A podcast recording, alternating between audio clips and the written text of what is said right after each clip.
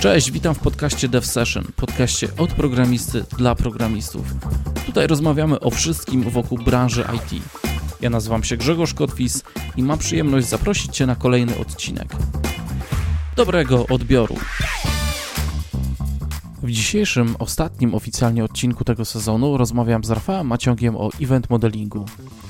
Pytam mojego gościa, co to jest event modeling, kto za tym stoi, jaka jest geneza i najważniejsze, jak ta technika jest w stanie pomóc zespołom w modelowaniu systemów. Rafał aktualnie prowadzi dwa startupy. Pixie Technologies, gdzie bada możliwość automatyzacji procesu wytwarzania oprogramowania oraz Modeling Evolution, którego misją jest pomagać ludziom wspólnie tworzyć systemy informacyjne. Poza tym prowadzi warsztaty, meetupy oraz szkolenia z event modelingu zarówno dla polskiej społeczności, jak i tej za granicą. Jak zawsze ogromne podziękowania dla patronów podcastu. Do drużyny mecenasów dołączyła ekipa popularyzująca, edukująca i wiele wiedząca na temat Kubernetesa.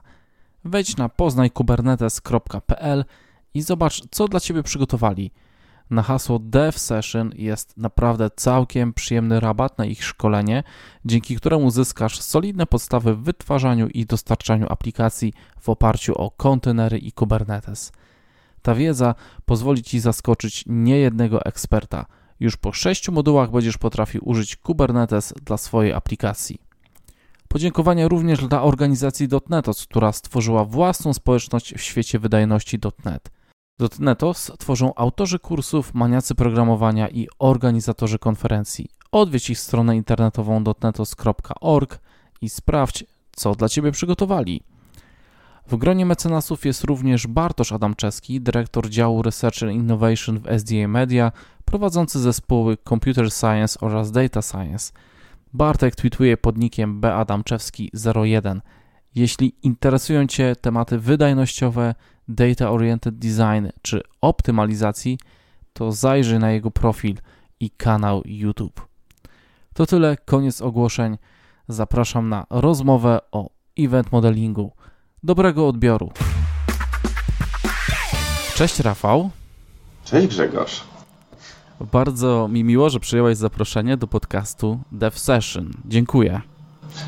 Mi też jest bardzo miło. Dzięki e, za zaproszenie i dzięki, że jestem, e, że jestem tutaj z Tobą. E, słuchaj, powiedz tak na początek, jak, jak pogoda u Ciebie? Nagrywamy zdalnie, więc mi trochę brakuje takiego jeden na jeden z gościem, więc chociaż zapytam o, o, o tą pogodę. Gdzie jesteś aktualnie? Skąd nadajesz? Dzisiaj nadaję z Warszawy, jest świetna pogoda, słoneczko świeci, 20 parę stopni będzie, także pogoda jest genialna. A jak u Ciebie? Okay, no to u mnie jest tak e, trochę szaro, buro i ponuro, ale jest ciepło, czyli e, prognozuję, że będzie e, dzisiaj burza. Ale jest to taka niespotykana pogoda tutaj nad morzem. Mamy z reguły wiecznie, a dzisiaj jest taka duchota.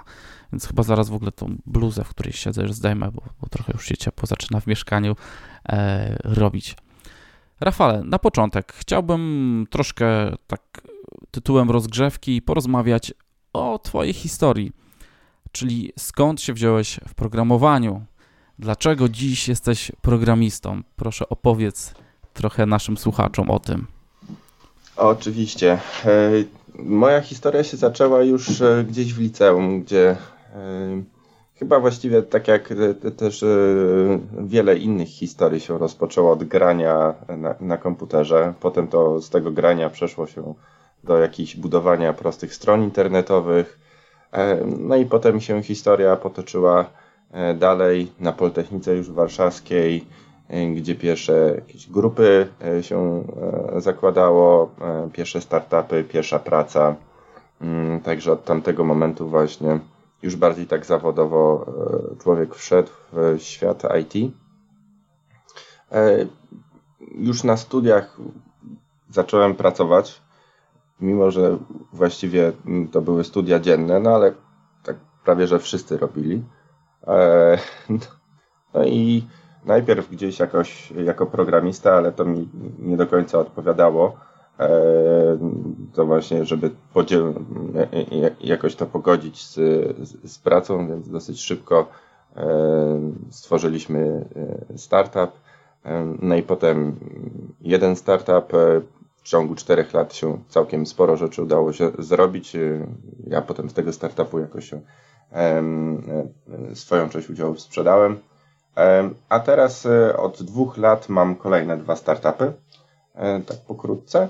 Jeden jest badawczy, zajmuje się, bada to, w jaki sposób można by było automatyzować proces wytwarzania oprogramowania.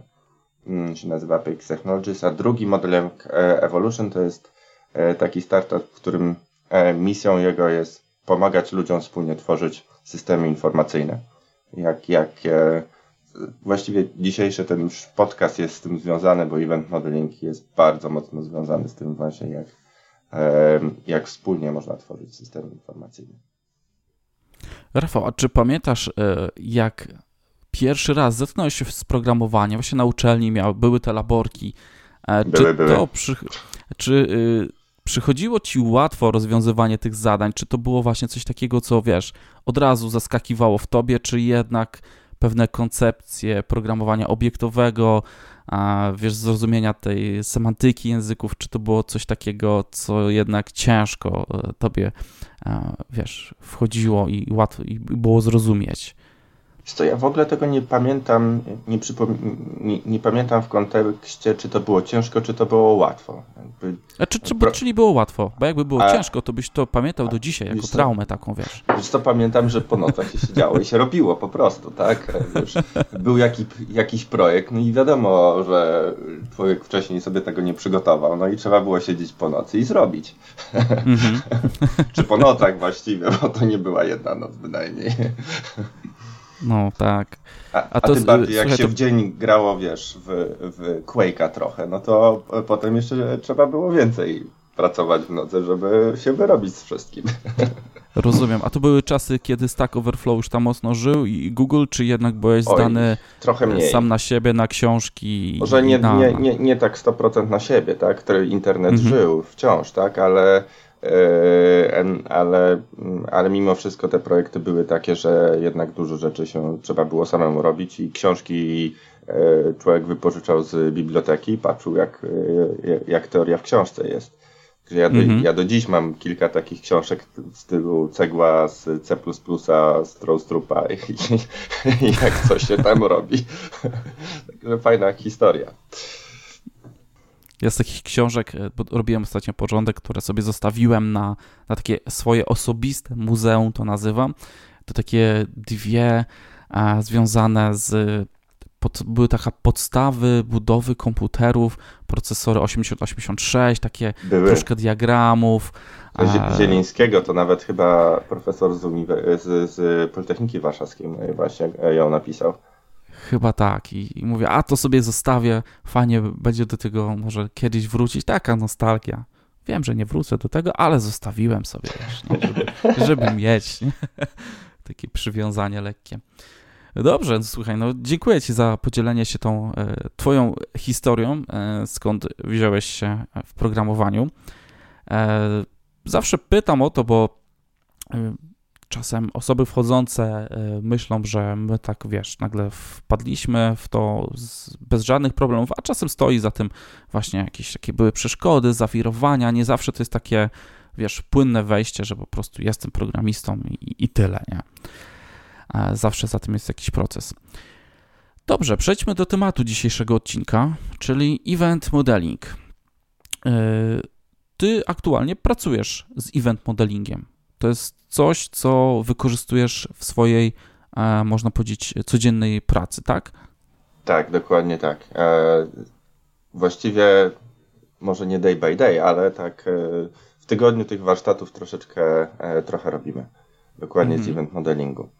Mogę powiedzieć, co to jest właściwie event modeling, jeśli będę w stanie powiedzieć to w trzech zdaniach.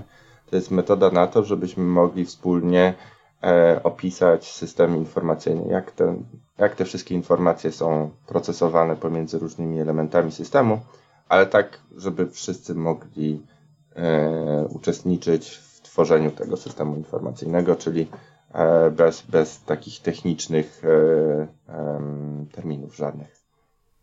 padło słowo warsztat. Czy event modeling to właśnie można porównać do warsztatu, czy to jest coś więcej?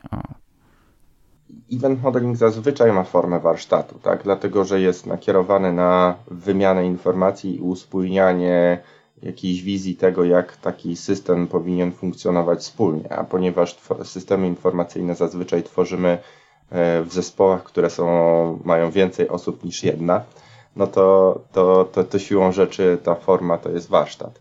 Tą formą jest mhm. warsztat.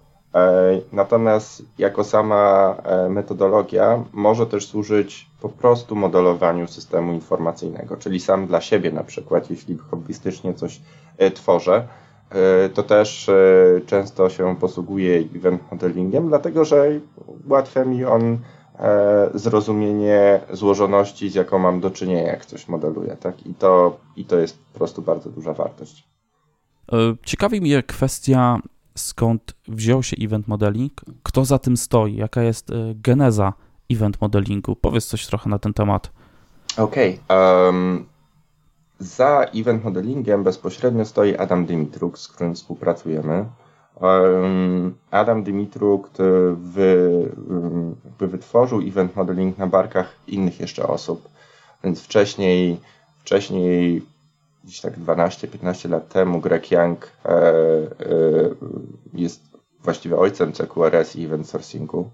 E, potem po drodze był e, Eric Evans i Alberto Brandolini. Alberto Brandolini, e, jak wiecie, e, jest, jest twórcą, autorem event stormingu. E, I Alberto się spotkał z Adamem, nie wiem, 2-3 lata temu, już nie pamiętam dokładnie e, kiedy to e, było, natomiast spotkał się z nimi i się okazało, że, że to, co robi Adam, to nie jest event storming, tylko coś innego, troszkę inaczej to wygląda. Myśleli oni, że robią to samo. No i się, i wtedy było tak takie obudzenie, aha, no to jest jednak troszeczkę co innego. Ja z kolei e, z samego event modelingu bezpośrednio e, e, jakby nie tworzyłem, natomiast eksperymentowaliśmy właśnie w PX Technology z event stormingiem dosyć mocno. I go, powiem, mm, dosmaczaliśmy różnymi przyprawami, tak żeby ten opis, który się pojawia w event stormingu, był pełny i był możliwy potem do wykorzystania jako po prostu taki e, dokładnie zadania te, co trzeba zrobić, żeby ten system informacyjny działał. Efektem było w sumie kilka elementów podobnych, które się pojawiły potem w event modelingu, więc, więc e, taka mniej więcej jest cała historia event modelingu. A teraz, a teraz mamy trochę też taki czas, w którym ciągle te metodologie ewoluują i się trochę też zmieniają. Także widzimy, że w samym event modelingu, to jest zresztą sama e, pandemia też spowodowała to, że sam też event storming się delikatnie zmienił, bo e, jest większe parcie na to, żebyśmy e, te sesje online prowadzili. A co za tym idzie, trzeba dostosować odpowiednią metodologię, tak żeby ta sesja online, sesja zdalna działała fajnie, poprawnie, bo jest inna, jest po prostu inna i trzeba tę metodologię dostosować do, do, do tego, co mamy. Czyli e, jeśli dobrze zrozumiałem, to event modeling jest, e, jest w sumie czymś świeżym, a jeśli chodzi o, e, o, o jego ten czas życia, tak, i jeszcze nie jest tak do końca zdefiniowany, czyli ewoluuje, to nie, może powstał jakieś takiego podstawowe pryncypia są zdefiniowane, może nawet jakiś manifest, jak w Agile'u jest, ok, czym jest event modeling, czym ma być, ale to ciągle żyje i, i jest tam w jakiś sposób rozwijane. Nie ma takich aktualnie sztywnych ram, że trzymamy się tego i tego i nie wychodzimy poza to. Jeszcze, jeszcze takich sztywnych ram nie ma. E, z tego co wiem, to Adam Dimitruk pisze książkę, ale podobnie tak jak Alberto Brandolini, więc mhm. zobaczymy, jak, e, co z tymi książkami będzie. E, e, takim, taki mały uśmieszek tutaj. E, mhm. Natomiast jest bardzo dużo, jest trochę artykułów. O event stormingu no to jest, jest ich masę, natomiast o event modelingu jest troszkę mniej. Najwięcej jest na eventmodeling.org i tam można sobie poczytać o event modelingu. ten event storming widzę najczęściej się tutaj pojawia w tym kontekście, ale to nie są rzeczy, które konkurują ze sobą. To są rzeczy, które według mnie się uzupełniają. E, są, jest, są inne spojrzenia na, e, na dokładnie to samo. E, z innej perspektywy spoglądamy. W ogóle sam event modeling warto rozpoczynać wtedy, kiedy wiemy dokładnie, jak wygląda proces biznesowy, jak wygląda domena, jak, jak te procesy te biznesowe mają działać. A co za tym idzie, warto wcześniej zrobić event storming big picture, taki właśnie, który uspójnia nam obraz e, tego, co my chcemy potem mieć w systemie informacyjnym. I dopiero wtedy można zamodelować system informacyjny. I e, mamy kilka możliwości. Tutaj właśnie jedną z nich to jest event modeling, a druga możliwość e, to jest event storming design level, albo też process level. Ale te obie E, jakby możliwości są komplementarne, one się uzupełniają. Event modeling skupia się przede wszystkim na e, pokazaniu takiego pojedynczego filmu przebiegu, pojedynczego z interakcji pomiędzy systemem a nami i jak informacje w tej pojedynczym przebiegu e, odpowiadają procesowaniu informacji, tak powiem, po stronie systemu, jak te informacje są tam dalej procesowane. Podczas gdy mm, jak e, popatrzymy na event storming design level czy process level, to to jest troszeczkę bardziej taka struktura tego, co się dzieje pod spodem. My już chcemy jakby tworzyć tą troszeczkę strukturę tych bytów, e, które się znajdują. Nie skupiamy się tak bardzo na jednym przebiegu, tylko bardziej na N przebiegów i na bardziej na abstrakcjach, które mm, opisują te e, przebiegi. Więc e, opis jest nieco bardziej abstrakcyjny, co też zresztą zauważyliśmy na warsztatach, że ludzie, którzy nie mają wcześniej nie mieli do czynienia z opisem systemów informacyjnych, to im zajmuje troszeczkę więcej, żeby wejść w temat e, rzeczy, które są abstrakcyjne, na przykład polityka czy reguły, to są pojęcia abstrakcyjne. Podczas gdy jak się na przykład mówi o jakichś konkretnych przykładach e, e, z życia, tak, to łatwo się do nich odwołać i to dla nich jest bardzo proste, więc mogą swobodnie w tym uczestniczyć. To jest jedna z kluczowych właściwie różnic pomiędzy event stormingiem a event modelingiem. A co za tym idzie, mm, jak tworzymy oprogramowanie, tak, to gdzieś będziemy je też je testować. Gdzieś są oczekiwania klienta, jak ma ten system cały funkcjonować, w jaki sposób. Event modeling to właśnie świetnie opisuje. To, w jaki sposób jest zbudowany system, jak strukturyzuje te informacje, jak wewnętrzne, jakie ma reguły funkcjonowania, to z kolei świetnie oddaje Event Storming Design Level. Więc to są takie delikatne różnice pomiędzy tymi dwoma podejściami. Te dwa podejścia się przez to uzupełniają. Wiemy już, że to jest e, forma e, warsztatów i wspomniałeś też o osobach, e, które właśnie są w stanie troszkę właśnie bardziej zrozumieć, co to jest na przykład polityka. Pytanie właśnie, jakie osoby w tym warsztacie event modelingowym powinny brać udział? W warsztacie event modelingowym e, biorą osoby udział przede wszystkim e, no wszyscy ci, którzy mogą e, czy powinni ten system modelować. Co za tym idzie product owner, może stakeholderzy nawet, jeśli, jeśli, jeśli jest to potrzeba, chociaż w mniejszej, w mniejszej części. I na pewno zespół deweloperów, inżynierów, czyli na przykład team leader, albo też wszyscy z zespołu. Ta sesja event modelingu potem może się e, odbywać co sprint. Na sprint groomingu e, albo na e, planningu. Event modeling jako narzędzie może być wykorzystywane do tego, żeby efektywniej po prostu te spotkania poprowadzić.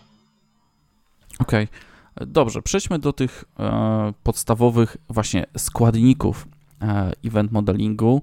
E, co, co my tam modelujemy, co my tam rzucamy? W event stormingu mówi się, że rzucamy karteczkami. Jak to jest w event modelingu? Czy też rzucamy karteczkami? Jeśli tak, to jakimi?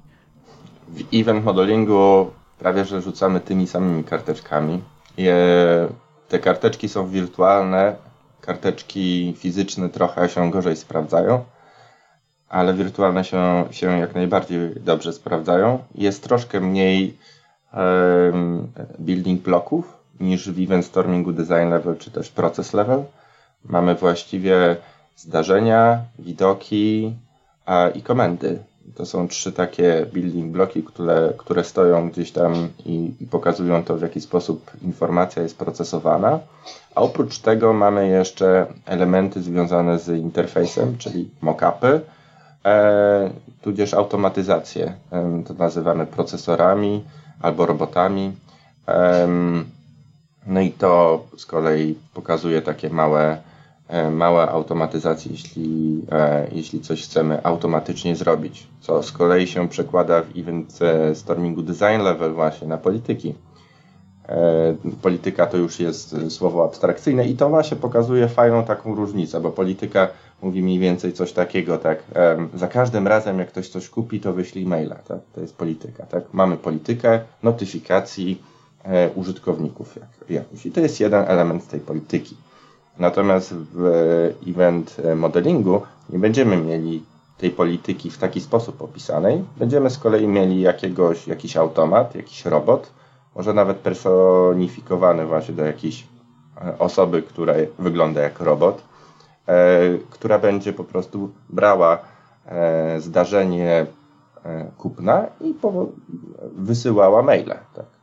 Więc robi dokładnie to samo, tylko nie nazywamy tego, że to jest polityka i nie mamy pojęcia abstrakcyjnego polityki, tylko mamy po prostu coś, co automatyzuje nam robotę. No i efekt jest e, dosyć podobny e, at the end of the day. Różnica jest w opisie i w tym, w jaki sposób ludzie e, m, patrzą na to. Tak? Więc osoby, które chcą zobaczyć, jak system funkcjonuje e, i nie mają doświadczenia właśnie z takimi pojęciami abstrakcyjnymi, bardzo szybko potrafią sobie sobie wyobrazić, że a mamy tutaj z tyłu robota, który nam wysyła listy, prawda? Więc to jest proste. E, a z kolei deweloperzy potem wiedzą dokładnie, jak to się przekłada na, na kod, na właśnie, że to się przekłada na politykę, więc w związku z tym dla nich to też jest fajne, że aha, no to znaczy, że tutaj mamy automatyzację, będziemy mieli z tyłu politykę. I jeśli chcą dyskutować na temat tego, jak wewnętrznie to organizować, no to, to oczywiście mogą transponować się na, na inny właśnie e, widok, może właśnie design level, e, event storming i wtedy będą widzieli to bardziej od strony takiej struktury e, organizacji, e, e, reguł, czy polityk, czy, e, czy tego, jak właśnie hmm, informacje są procesowane. Chciałbym, żebyśmy omówili tak troszkę bardziej e, szczegółowo te building bloki, e, czyli e, co to jest widok, co to jest zdarzenie, co to jest ta komenda, czyli chyba intencja taka, tak? Tak, Powiedz proszę, tak. Po, po, po kolei, czym charakteryzują się właśnie poszczególne te building bloki? Okej, okay, więc można to sobie wyobrazić tak jak opowiadanie, opowiadanie historii. Ludzie się spotykają i zaczynają opowiadać sobie historię. E, historie e, mogą, takie suche historie, mogą się składać z jakichś zdarzeń, czy też z jakichś faktów, które, które ludzie obserwowali, że się zdarzyły. Tak? Czyli na przykład e, wybrałem produkt, dodałem do, produkt został dodany do koszyka, produkt został zakupiony w sklepie. Na przykład, tak? Kilka takich zdarzeń dokonanych po sobie. Natomiast yy, i to, to są zdarzenia, tak? To jest jeden building block. Zanim to zdarzenie w ogóle dojdzie do skutku, e, to zazwyczaj mamy jakąś taką, chcemy, żeby ono doszło do skutku, czyli mamy intencję do tego, żeby to zdarzenie doszło do skutku. I to jest kolejny właśnie building block, to są intencje. Czyli przykładowo, jeśli e, użytkownik chciałby dokonać zakupu, to on powie, dobra, ja chcę to kupić, albo e, systemie kupuje to, w efekcie system może mu odpowiedzieć, przyjąć jego zgłoszenie i, e, e, i, i, i towar zostanie zakupiony, albo może powiedzieć, no, no, no, nie, nie, nie, nie, ty nie możesz, bo masz złą historię. Ostatnio nie zapłaciłeś, to ci nie pozwalamy kupić na przykład. I to jest właśnie komenda, czy też intencja, która mówi, e, co, co, co chcielibyśmy zro, e, zrobić, żeby system e, e, zrobił. Tak? Intencja, czy też komenda. No i ostatnia, ostatni element, ostatni building block to jest widok, czy też raport albo wniosek, czy też model taki opisujący coś takiego. I, I to jest coś, co jest takim co powstaje na bazie faktów zdarzeń, które miały miejsce w przeszłości. Czyli jeśli ktoś coś zakupił, albo na przykład mamy grę w szachy, tak, e, to, e, to takim widokiem jest bieżąca szachownica, tak, bo ona pokazuje dokładnie, gdzie jesteśmy e, w grze. Ale na jakiej podstawie można odtworzyć tą szachownicę? No na podstawie wszystkich zdarzeń, które miały miejsce wcześniej, tak? Czyli na podstawie ruchów poszczególnych osób, które mogły być zapisane w takim jakimś, nie wiem, dzienniku zdarzeń. I to jest właśnie, e, i to jest właśnie widok. Te trzy building bloki mm, pozwalają na konstrukcję całego takiego wnioskowania. Jak wnioskuje, jak człowiek wnioskuje, to można właśnie wnioskować przez to, że były jakieś obserwacje, były fakty, tak, coś się wydarzyło i z tych faktów wyciągamy wnioski. Te wnioski są przedstawiane i pozwalają na to, żeby e, podejmować jakieś decyzje. Jak podejmujemy jakieś decyzje, no to mamy intencję, żeby podjąć te decyzje. No właśnie tutaj mamy akcję, czy też intencję komendy, tak? I w efekcie czego system znowu e, emituje, czy, e, czy zapisuje zdarzenia, e, które miały miejsce. No i taki cykl się powtarza. E, o robocikach to już mówiłeś trochę wcześniej, że to są jakieś takie rzeczy, które gdzieś tam automatyzują pewne e, czynności e, w tle, to co ma się wykonać, ale też wspomniałeś, że to jest opowiadanie historii, czyli rozumiem, że to jest gdzieś osadzone na, na osi czasu, że to nie jest tak luźno ze sobą powiązane, tylko jednak idziemy przez te poszczególne punkty w czasie, można powiedzieć, Do, tak? Tak, dokładnie tak, Grześku. Właśnie to jest jedna z głównych różnic między event modelingiem a event stormingiem. W event modelingu bardzo mocno patrzymy na oś czasu i na opowiadanie historii. Jak opowiadamy historię, to opowiadamy jeden, jeden scenariusz, czy jedną historię. Historia nie ma alternatyw, e, bo to już alternatywa to jest inna historia. Więc, e, e, więc opowiadamy jeden film który, który ma jedną fabułę, tak? I ona się dokonała, koniec, kropka. E, I oś czasu w związku z tym tak jest bardzo, bardzo istotna. Okej, okay, a jeśli byśmy chcieli tą historię alternatywną e, też modelować, to robimy to, nie wiem, na innej sesji, czy na tej samej sesji, e, na tym samym diagramie, jak to wygląda, jeśli chcielibyśmy taki scenariusz alternatywny, robimy, wiesz? Robimy to e, dokładnie na tej samej sesji. Musimy się zastanowić, czy dyskusja na temat alternatywnej historii jest warta tego, żeby wszyscy w tym uczestniczyli i żebyśmy na ten temat dyskutowali. E, nie wszystkie alternatywne scenariusze są warte dyskusji, bo w ten sposób byśmy się rozdrabniali na bardzo duże szczegóły. Więc wtedy, kiedy jest to potrzebne, tak i widać, że ludzie potrzebują wspólnie dyskutować i widzieć, co się ma w systemie dziać, e, to wtedy warto zamodelować e, alternatywny scenariusz dokładnie tak samo, jakbyśmy modelowali Happy Path. To jest jeden sposób. Drugi sposób to i w event modelingu jest taki kompaktowy sposób opisywania scenariuszy. On jest po prostu takim ekspresyjnie jest po prostu mniejszy. Tak? W jednym miejscu znajduje się więcej bloczków i one tak kompaktowo opisują jakiś tam, jakąś alternatywę. To, to jest jedna rzecz, a ewentualnie trzeci element, jaki możemy tu zastosować, to możemy po prostu opisać alternatywne scenariusze w, w postaci takiego testu akceptacyjnego given when then tekstowo. E, I, I też wtedy jest e, ok, więc wtedy jeśli, jeśli tak mamy, to też będziemy mieli opisane jakieś reguły, no bo wiadomo, że given when then też właśnie może służyć, posłużyć do tego, żeby ustrukturyzować e, to, jak, jak ten system w środku działa i jakie ma reguły e, i, e, no jak procesuje informacje.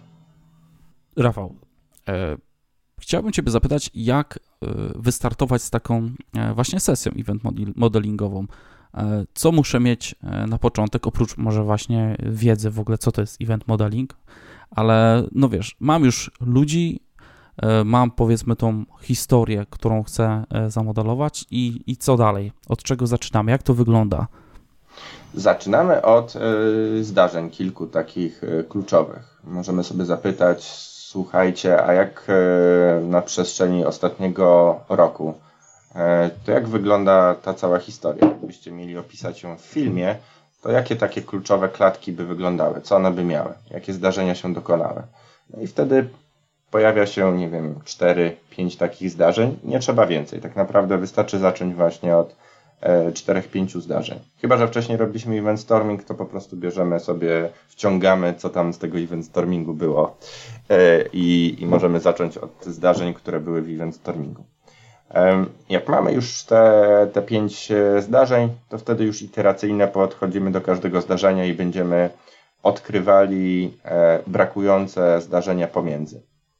Ale też łączyli je z tym, w jaki sposób by to się przedstawiało na interfejsie graficznym. Więc mamy pierwsze zdarzenie, zastanawiamy się, aha, no to co spowodowało to, że to zdarzenie zostało zapisane w systemie, no i wtedy zazwyczaj mamy taki moment aha, czyli potrzebujemy interfejsu graficznego, e, jak on będzie wyglądał, czy to będzie jakiś przycisk, czy to będzie, nie wiem, jakiś drag and drop, jakaś inna akcja, e, więc uzupełniamy e, diagram o właśnie mockup. Jak już ten mockup jest, no to wtedy łączymy ten mockup z zdarzeniem poprzez komendę, czy też poprzez właśnie intencję i, i, no i trzeba ją opisać, co my chcieliśmy osiągnąć, co my chcemy zrobić w tym systemie, jaką akcję chcemy wykonać. Jak już zdarzenie się w systemie e, pojawia, to można zadawać kolejne pytanie, a gdzie te informacje potem chcielibyśmy widzieć na przykład, albo na, na, na podstawie tej informacji, co chcemy dalej, e, jakie decyzje chcemy e, podejmować, tak? I wtedy nam się też pojawią w głowie ekrany, czy też właśnie miejsca, w które E, w których ta informacja będzie gdzieś przedstawiona.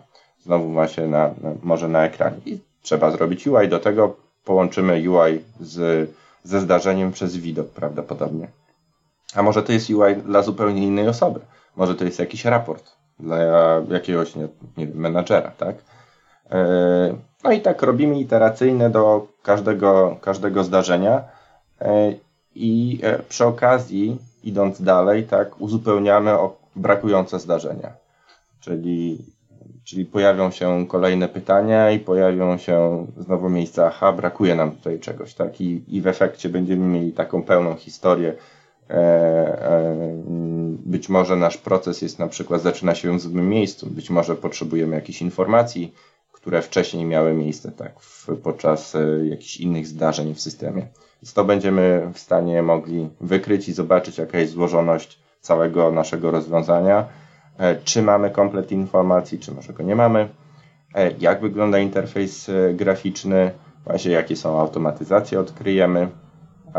I nawet będziemy mogli oszacować, ile, ile to czasu wszystkiego, wszystko zajmie.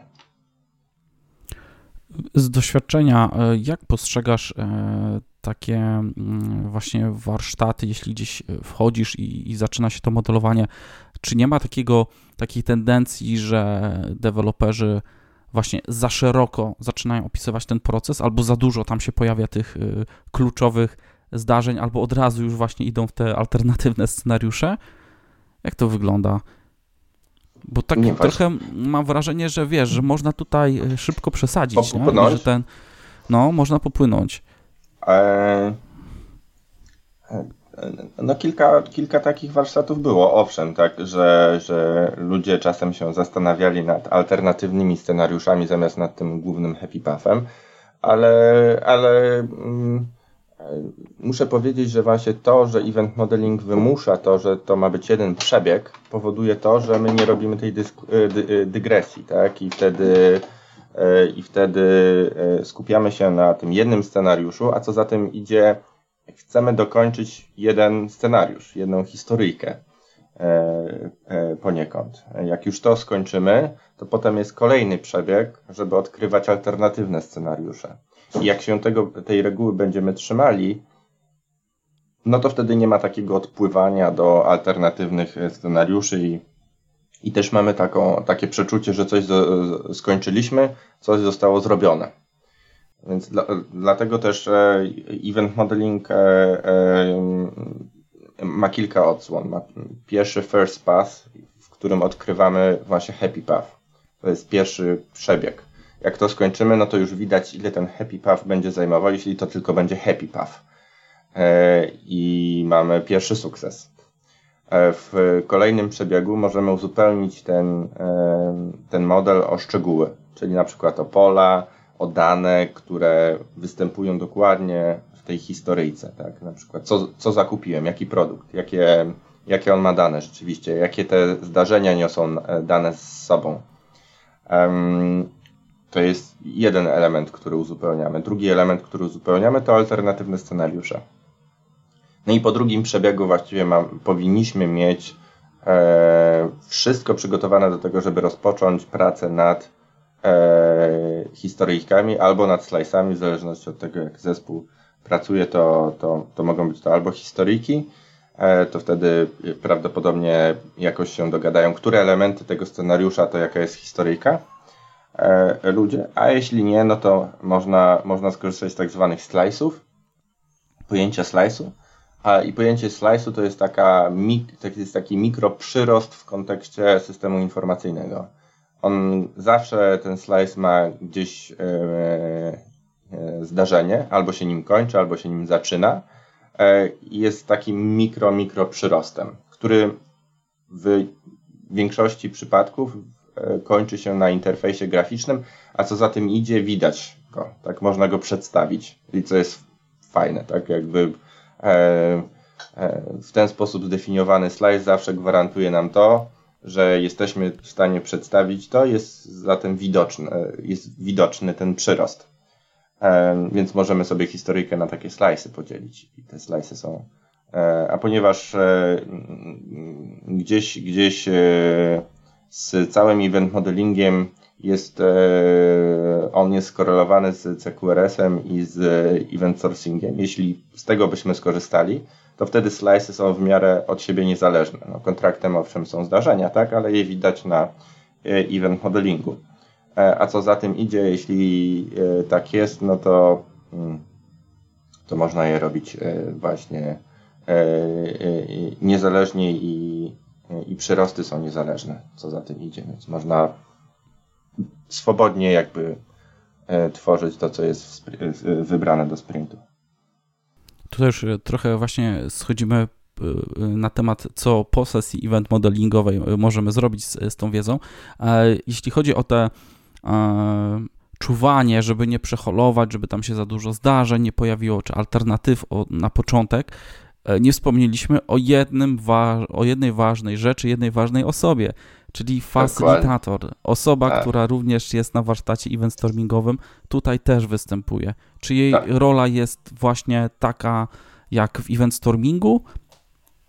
E, rola facylitatora w, moim przekonaniu jest dużo większa w event modelingu niż nawet w event stormingu, bo facylitator czuwa nad tym, żeby e, wymagania, które zostaną zebrane, były kompletne więc odpowiedzialność jest, e, jest tutaj e, duża. To znaczy, że e, on nie ominie żadnego pytania, które trzeba zadać, żeby odkryć coś, co jeszcze nie zostało odkryte potencjalnie.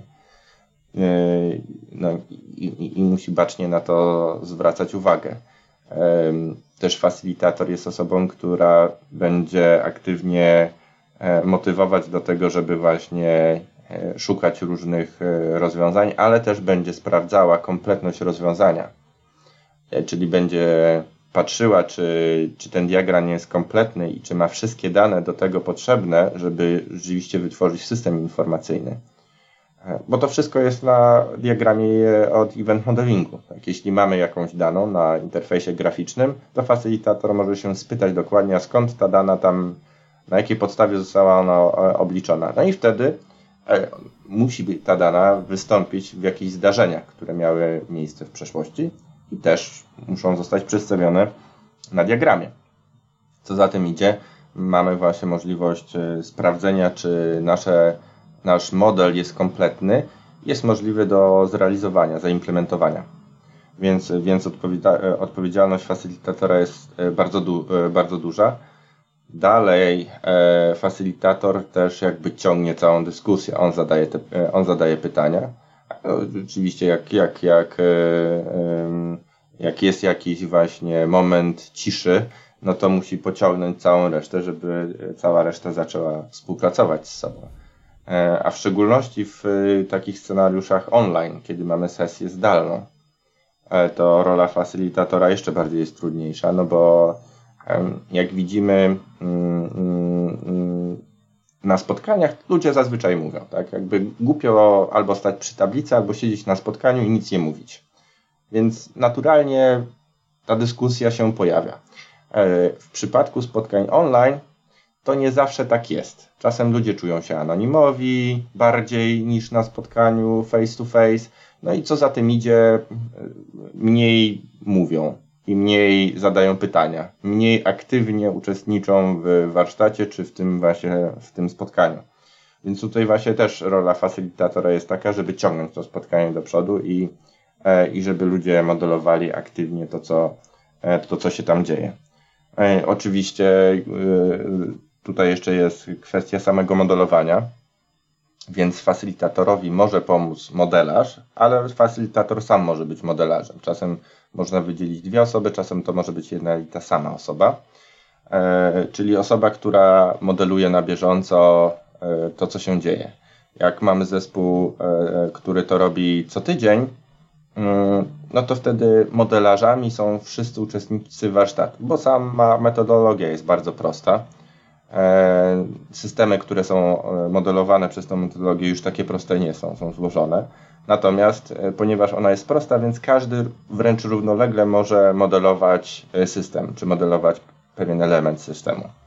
E, więc ci modelarze to po prostu są uczestnikami warsztatu. No, natomiast na samym początku, jak robimy warsztat, robimy wstęp, to przez pierwsze, nie wiem, dwa, trzy warsztaty, to facilitator będzie tym modelarzem, czy będzie aktywnie modelował również z E, z, z zespołem e, i czasem się wręcz wcinało, że coś nie do końca jest zamodelowane poprawnie, bo się okazuje, że, że tak to nie, nie, nie powinno być, bo tutaj powinien być procesor, a ktoś tutaj sobie zrobił skrót. E, więc, e, więc rola facylitatora jest, jest, jest, jest istotna. A jak e, dobierać tego facylitatora? Kto się nadaje na takiego facylitatora? Czy bo rozumiem, jeśli to jest coś nowego dla naszego zespołu, to raczej na pewno sięgniemy po jakieś zasoby zewnętrzne, żeby przyszła osoba z zewnątrz i pokazała nam, jak prowadzić takie warsztaty, właśnie poduczy, pokaże, tak jak w event stormingu też często przychodzi ktoś z zewnątrz i jest tym facylitatorem. Ale pewnie po jakimś czasie tak, taki zespół, jeśli ten event modeling będzie robił co sprint, nie wiem, co dwa tygodnie, no to pewnie będzie chciał kogoś z wewnątrz i kogo tu wybrać? Nie wiem, może testera, może team leada, może kogoś z działu QA, wiesz, no jak, jak, jak dokonywać takich wyborów, żeby też nie rodzić mhm. konfliktów? Facilitator na pewno powinien być, mieć jedną e, cechę, taką wewnętrzną, to znaczy e, lubić, e, lubić dyskutować. Znaczy on, on jest osobą, która będzie chciała prowadzić tą dyskusję będzie chciała też e, angażować ludzi do modelowania. E, sam nie zawsze modeluje, ale angażuje innych do modelowania, tak? E, bo jak wszyscy modelują, to po prostu jest szybciej, tak? Więc, więc, więc ta, te cechy są istotne dla facilitatora. Co za tym idzie, naturalnymi facilitatorami są team leaderzy albo scrum masterzy. E, Scrum Master też e, się nadaje jak najbardziej na facylitatora. Oczywiście musi się nauczyć modelować, tak? Natomiast z natury rzeczy przez to, że jest taką osobą bardziej ekstrawertyczną i, więcej jakby zachęca ludzi do tego, żeby, żeby coś robić, żeby wspólnie się integrować i, i, i tworzyć jakiś produkt, e, to też tutaj naturalnie e, jego, jego właśnie takie zdolności miękkie są fajne i istotne. E, często w zespołach Scrum Masterami też są właśnie e, e, team liderzy, tak? czy też członkowie zespołów, więc tutaj jak najbardziej to też jest fajne. Tak? Jeśli, jeśli takim facylitatorem jest team leader, no to on ma jeszcze wiedzę większą, dlatego że wie dokładnie, jak się te building bloki przekładają na, na kod programistyczny, prawda? Więc E, dużo łatwiej jest mu złapać pewne e, abstrakcje, czy znaleźć pewne niespójności e, niż w przypadku powiedzmy takiego Scrum Mastera. Niemniej no jedni i drudzy sobie dają radę.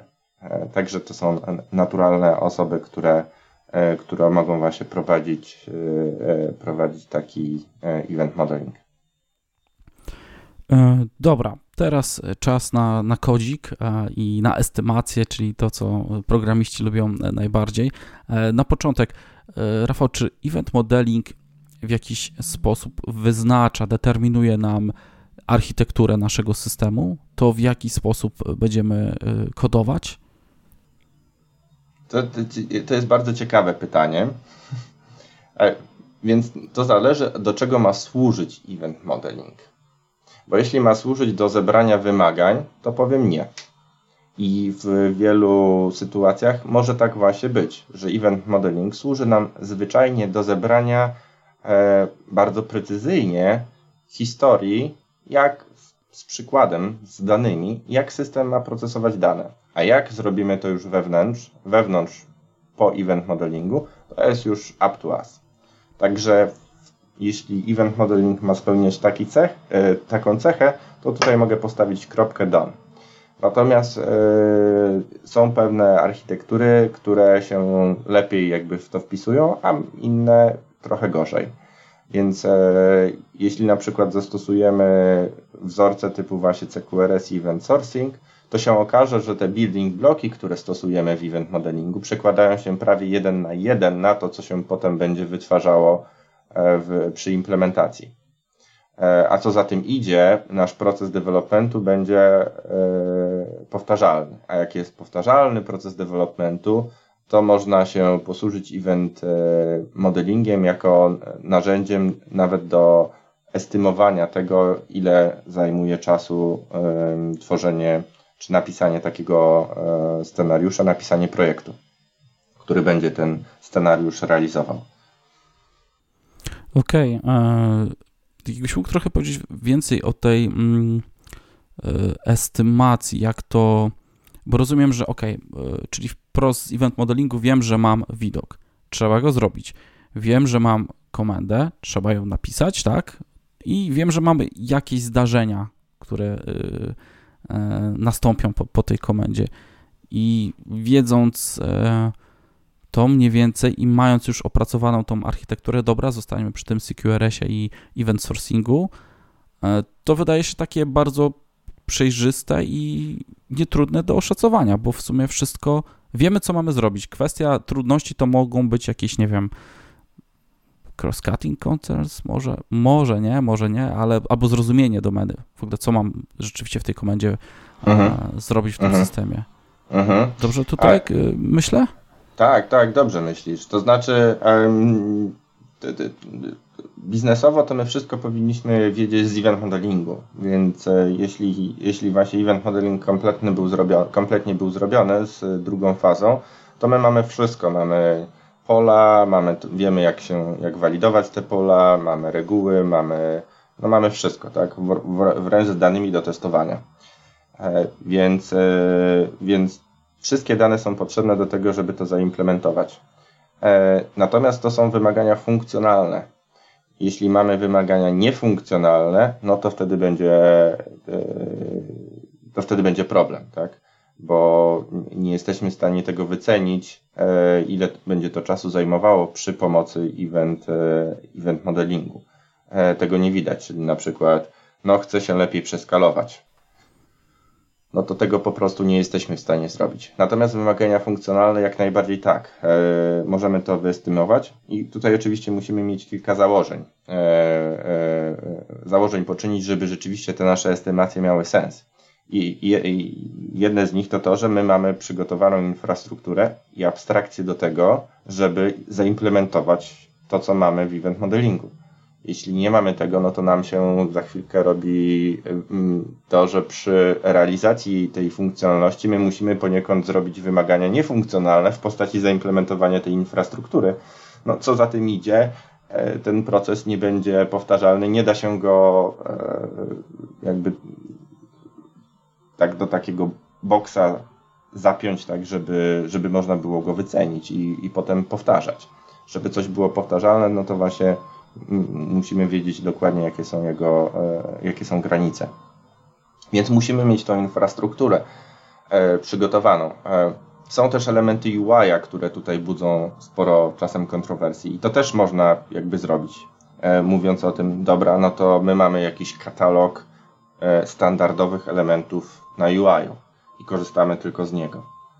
Więc jak będziemy korzystali tylko z takiego katalogu, no to nie będzie coś, nie, nie spotkamy się z niczym unexpected, niespotykanym, tak? Co za tym idzie, ten proces developmentu będzie e, powtarzalny.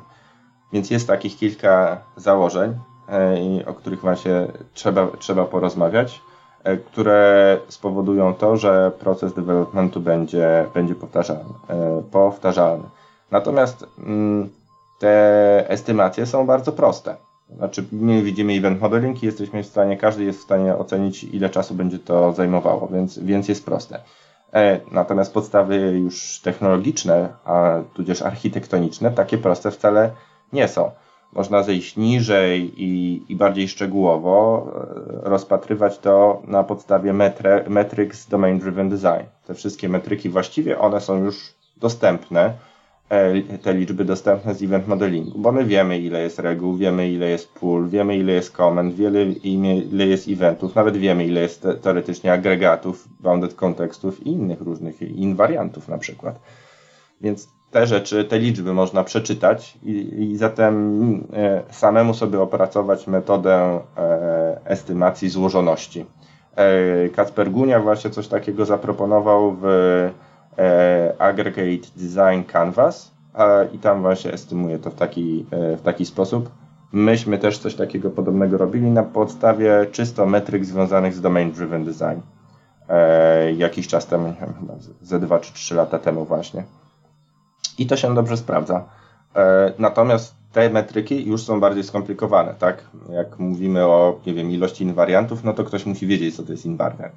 Więc e, siłą rzeczy to jest, to jest zupełnie inna estymacja. Kto inny musi to estymować i nie jest wcale takie proste. I, i wymaga tego, żebyśmy zrobili design, e, ułożyli go dużo lepiej. E, natomiast e, szacowanie przez e, event modeling a, no jest dużo łatwiejsze, jest, jest po prostu proste. Każdy może go zrobić. Jeśli e, mógłbym to podsumować e, i też potwierdzić, że dobrze to zrozumiałem, e, skupiamy się w event modelingu na, jeśli chodzi o estymację, na wymaganiach funkcjonalnych, stricte funkcjonalnych. Zgadza się, A, dokładnie tak. Bo, bo to jest często miksowane, że ok, jest jakaś funkcjonalność do wykonania, ale tak naprawdę narzut, wiesz, co trzeba dopisać do infrastruktury, jest spory ok, będę musiał jeszcze tutaj to dołożyć, to dołożyć, ale tutaj event modeling to są te wymagania funkcjonalne, i jeśli e, potem na przykład z nich zrezygnujemy, to my tylko odejmujemy wymagania funkcjonalne, ale nie grzebiemy nic tam na przykład w infrastrukturze, tak? Dobrze to, nie, to rozumiem? Tak, dokładnie tak. Nic nie grzebiemy w infrastrukturze e, i, i też można w pewnym sensie pokazać dokładnie biznesowi, czy my mamy infrastrukturę zrobioną, bo to są nic innego jak abstrakcje związane z tym, co jest, co pokazujemy w event modelingu. My musimy po prostu E, w tej infrastrukturze ją tak zaimplementować, żeby to, co jest w event modelingu, mogło się, e, można było napisać. I jest kilka takich abstrakcji, które trzeba po prostu w infrastrukturze zaimplementować i w efekcie czego ten cały proces będzie powtarzalny. No i właśnie, i co za tym idzie, tak? Jeśli to zrobimy w CQRS i event w event sourcingu, to będzie to najbliższe, tak? To się będzie przekładało jeden na jeden. Możemy korzystać z tego, możemy na przykład e, e, po prostu mieć e, domain-driven design oparty o, o, o, um, o agregaty, ale nie o event sourcing. I też będzie wszystko ok. Natomiast to nie zawsze będzie się przekładało, no nie będzie się przekładało jeden w jeden, tak? Więc, więc ten proces może być wtedy nie tak bardzo powtarzalny. Pojawiły się nam te magiczne słowa CQRS i event sourcing, ale na pewno nie będziemy dzisiaj e, o tym mówić, bo to jest zbyt rozległy temat. Okay. Dzisiaj to chcielibyśmy wprowadzić Was do, do event modelingu jako idei, jako koncepcji, E, tak ogółem, e, czym to jest, ale Rafale, jeśli ktoś chciałby pogłębić wiedzę, albo nawet właśnie troszkę, wiesz, już zaciekawiliśmy go, go tym podcastem, e, gdzie szukać takiej wiedzy, gdzie właśnie może zaczepić się na takie przykładowe warsztaty, bo chciałby zobaczyć w ogóle, jak one wyglądają, gdzie byśmy ich przekierowali? Masz coś? Super. Jakieś e, Jak linki? najbardziej. Jest e, grupa meetupowa, jest event e, modeling myślnik Poland i tam w tej grupie meetupowej organizujemy warsztaty, na których one są otwarte, na których można no, zapisać się po prostu i uczestniczyć w warsztatach i zamodelować systemy. Modelować systemy i się nauczyć po prostu modelować systemy, zobaczyć jak to rzeczywiście w praniu wychodzi i to jest właśnie taka grupa. Jeśli chodzi o grup e, meetupowych, e, to czasem się pojawiają takie tematy na grupach e, agile'owych i na jeszcze grupach domain driven design. Także, ale jakby tam to, to po prostu występuje to jako jakiś temat, tak? Jeden temat z N, tak? Natomiast na grupie event modelingowej to jest praktycznie ciągle wałkowany temat. Także tam e, zachęcam do tej, e, do tej, e, do tej grupy. Jeśli chodzi o inne materiały, no to mamy mm, materiały na pewno na eventmodeling.org. Tam jest kilka artykułów. Jak również zachęcam też do artykułów na temat event sourcingu przeczytania. Wtedy jedno i drugie, jak człowiek się połączy, to od razu widać powiązanie. Nie trzeba specjalnie tłumaczyć. Jeden w jeden. Okej. Okay. Dobra, bo e, rozumiem, że autor e, event modelingu, czyli Adam Dimitriuk, dopiero jest w trakcie pisania e, książki. Nie wiemy, kiedy ona się ukaże, bo to jest dosyć świeży temat, więc szukamy artykułów pod hasłami event modeling, z domieszką Event Sourcing i grupa Event Modeling Poland i warsztaty. Czy te warsztaty, bo mamy teraz czerwiec, kiedy nagrywamy ten podcast, one w wakacje się odbywają? Czy jest jakaś przerwa? Czy jak ktoś będzie chciał. Wakacje będą się odbywały, nie będą się odbywały tak często, bo y, do, jeszcze do niedawna właściwie się odbywały co tydzień. E, natomiast będziemy je organizować co miesiąc w wakacje, a potem po wakacjach prawdopodobnie znowu przejdziemy w tryb cotygodniowy, także jeśli ktoś będzie miał ochotę, to, to śmiało. No to zdecydowanie taki tryb cotygodniowy. Nie ma wymówek, zawsze można znaleźć jakiś wolny termin. E, dobra, Rafał, no słuchaj, no dziękuję Ci bardzo za to wprowadzenie do event modelingu, że przedstawiłeś nam e, tą koncepcję. E, ja również bardzo dziękuję. Chciałbym Cię na koniec zapytać, jakie wyzwania Cię czekają w najbliższych miesiącach, właśnie, ale w kontekście takiej profesjonalnej pracy? Z czym tam będziesz się mierzył? Z dwoma rzeczami się mierzę, a właściwie się mierzymy. Jedna rzecz to jest narzędzia do modelowania, tych, tych trochę brakuje i pracujemy nad narzędziami, które działają trochę jak C4, to znaczy że nie tylko będziemy mogli modelować od strony graficznej, ale wręcz jakby łączyć to modelowanie z kodem źródłowym i tworzyć jakby katalog na przykład zdarzeń, czy też pokazywać, które slice'y są już zrobione odpalając test odpowiedni na CI, na CI. Więc, więc właśnie to jest jednym z, takim, z, takich, z takich wyzwań, które, które mamy. Kolejne wyzwania to to, że można jeszcze troszeczkę podciągnąć, podrasować pewne rzeczy związane z, z infrastrukturą i z modelowaniem. E, w szczególności właśnie e, komunikację dwukierunkową i, e, i, i read modele. Można to robić tradycyjnie, ale można też jakby pojechać na sterydach i, i, i pokazywać w jaki sposób możemy aktualizować ludziom widoki wtedy, kiedy rzeczywiście ta zmiana nastąpiła wszędzie. Więc, więc to jest druga, drugi challenge. I trzeci challenge to jest community, nad którym pracujemy na tym, żeby e, właśnie i metodologia event modelingu e, i sposób programowania, ale też to, że możemy dostarczać i mieć płacone za to, co się dostarcza, a nie od godziny, to właśnie to jest to, nad czym ciągle pracujemy i, i, i staramy się propagować, żeby była korelacja pomiędzy warto, y, wartościami, które się dostarcza, a tym, ile się, ile się zarabia. No to sporo tematów e, Cię czeka, e, sporo rzeczywiście e, wyzwań. Życzę powodzenia, żeby to wszystko udało się dopracować, dociągnąć i, i wypuścić jakoś na rynek. Wspomniałeś, że jesteś tak, start, to jest jakoś tam jako startup rozwijane, więc żeby był ten sukces, żeby dzięki, to dzięki. udało się wypuścić. Dziękuję Ci jeszcze raz za przyjęcie zaproszenia do podcastu. Dziękuję, dziękuję, dziękuję e, e, Grześku, że, e, że miałem okazję opowiedzieć coś więcej na temat event modelingu w Twoim świetnym podcaście. Dzięki.